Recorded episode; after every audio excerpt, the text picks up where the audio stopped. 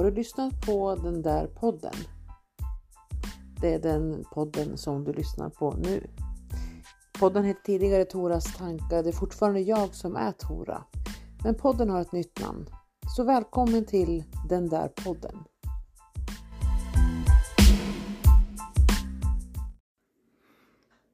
Hej och välkommen till den där podden. Jag har som ni kanske har märkt inte särskilt eh, regelbundna intervaller på när jag publicerar nya avsnitt och det beror helt enkelt på att jag gör mina avsnitt när de kommer till mig. Jag sitter inte med någon lång planering om olika ämnen för att även om jag skulle kunna göra det och sätta ner olika rubriker så blir samtalet, dialogen är det nästan känns det som för mig, men monologen kring ämnet blir inte riktigt lika innehållsrik, fyllig, eh, kommunikativ och det känns inte lika bra om jag inte har känslan i kroppen. Så ofta går det till så här att jag sitter och tänker själv någonstans. Det kommer en tanke till mig och så bygger jag på den och det är då, om tillfälle ges, som jag skapar mitt avsnitt. Och så är det just nu. För just nu så sitter jag och tänker på att vara vuxen och att göra nya saker. För många av oss så tar det liksom slut på känslan av att vara okunnig och kanske till och med känna sig dum när vi har slutat utbilda oss. Som vuxen är vi ganska van att befinna oss i miljöer där vi kan någonting lite grann eller åtminstone kan andra saker som vi kan hänga upp det nya på eller jämföra det nya med. Eller ersätta det nya med. Men så kommer vi ibland till situationer där vi inte har en aning. Det kan vara helt nya sysslor, man kanske har vågat ge sig ut att pröva ett helt nytt arbete. Där man är tvungen att både hitta ett bra sätt att göra ett gott första intryck men också göra ett ärligt första intryck. Och vår inre vilja att göra rätt och att vara duktig och leverera och prestera och hjälpa till kan ibland stå i vägen för att göra det sanna intrycket. Jag tror och tänker att det ibland kan vara lätt att man säger att man känner sig mer säker än vad man faktiskt gör för att inte orsaka eh, något besvär för någon annan. Och kanske tänker vi att äh, det där räknar jag ut sen. Men du vet att man kan lägga till en sak här. Och det är den andra personens känsla av att kunna hjälpa någon. Att få vara den som visar en annan person hur man gör, hur man kan tänka, lite olika tips och tricks kring olika hantverk kanske eller vad det skulle kunna vara när det gäller arbete eller inte vet jag, bostadsrättsföreningens rutiner på nya stället man bor på. Det är en god känsla att hjälpa andra.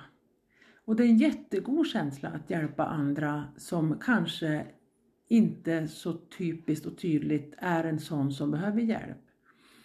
För att förtydliga kan jag tänka mig att vi är ganska vana att hjälpa människor som har olika svårigheter, som behöver hjälp uppenbart, eller vi hjälper barn eller äldre.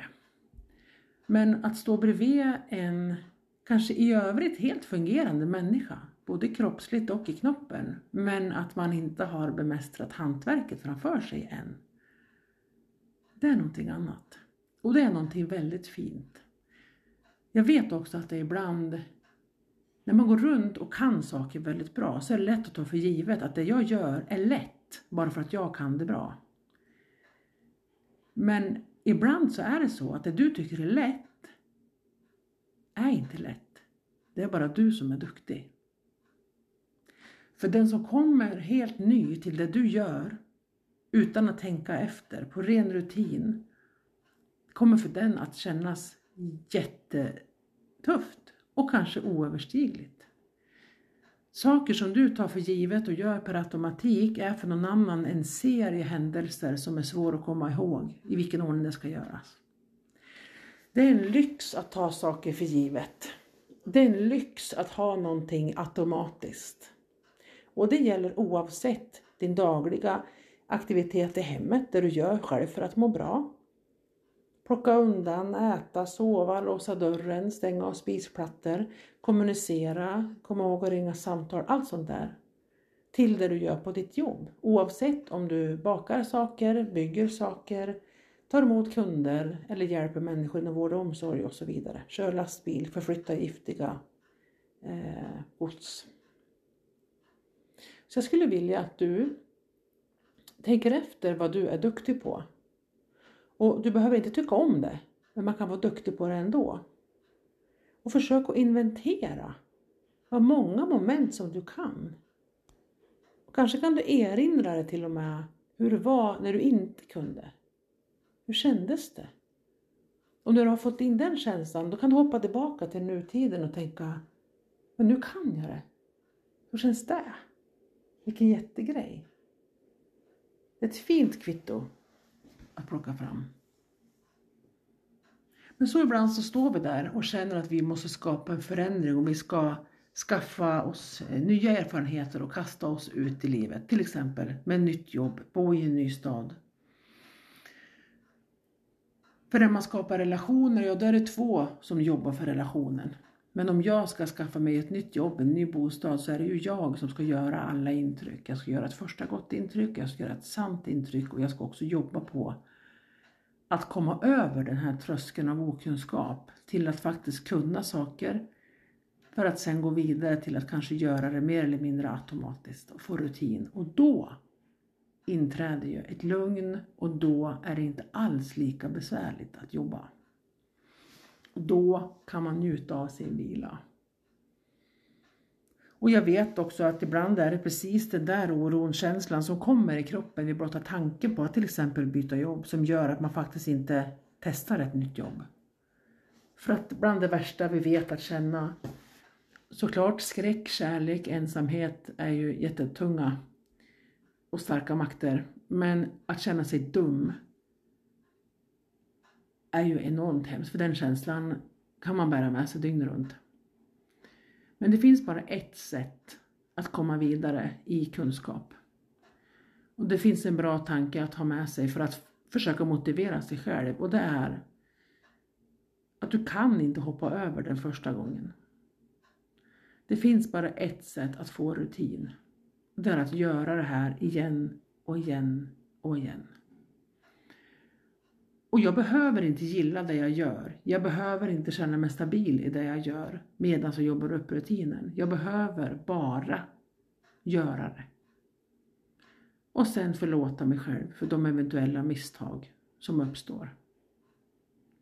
Vem bryr sig om hundra år?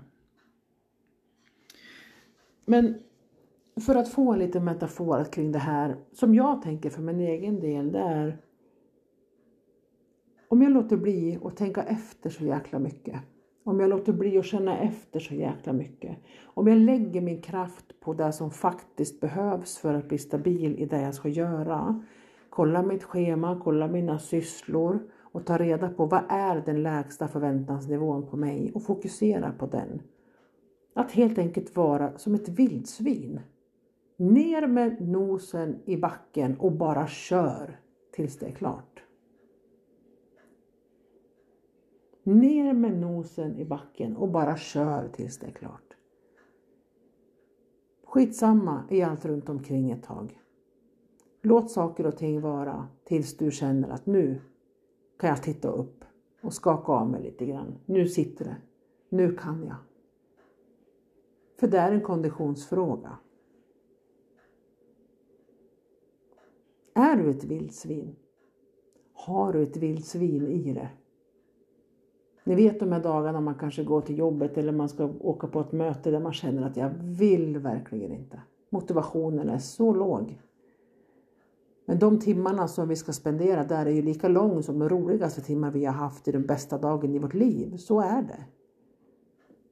Men att då försöka visualisera att nu kör jag vildsvinspedagogik på mig själv och jag stoppar ner nos och vad heter de, betar ner i backen nu och så kör jag bara.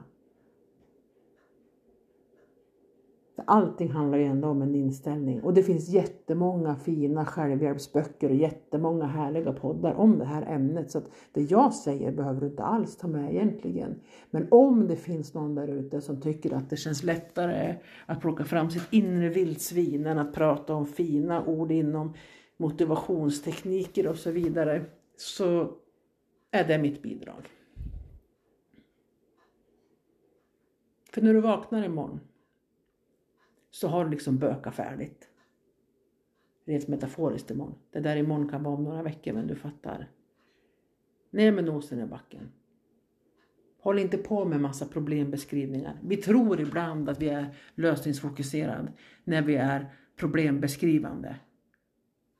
Alltså vi tror att vi försöker hitta en lösning genom att beskriva problemet om och om och om, och om igen. Och där kan man också tänka när man är ensam, är jag verkligen lösningsfokuserad? Eller beskriver jag problemet? För vi känner oss duktiga. Hjärnan blir nöjd när vi har identifierat varje nyans av ett bekymmer. Då känner den att nu har vi inventerat. Men är vi närmare lösningen? Nog inte. Tvärtom kan vi hitta så många nyanser i problemet så att vi istället tror att vi måste ha fler lösningar. Så kan det vara. Men ett sätt är ju ändå att fokusera på det viktigaste och leta inte ens vilken ordning de andra kommer på. Hitta huvudkärnan, den vet man oftast vad det är. Tips, det brukar vara den man minst gärna vill göra. Ta den, ner med nosen i backen och böka på i vildsvinspedagogikens namn.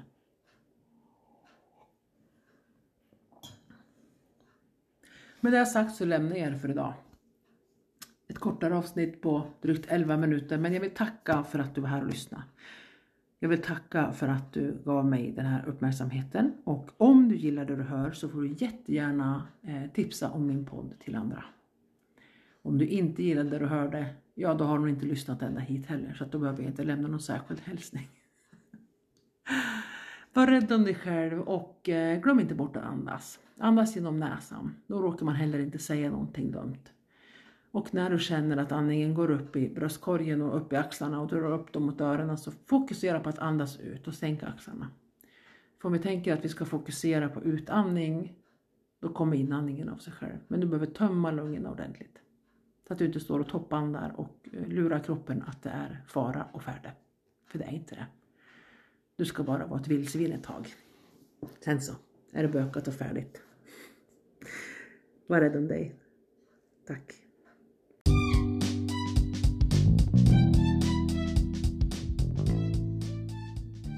för att du har lyssnat på ett avsnitt av Den där podden. Om du gillade det du hörde så är du välkommen att dela. Jag heter Tora och det här var mina tankar och det är högt och lågt. Så är det varje gång.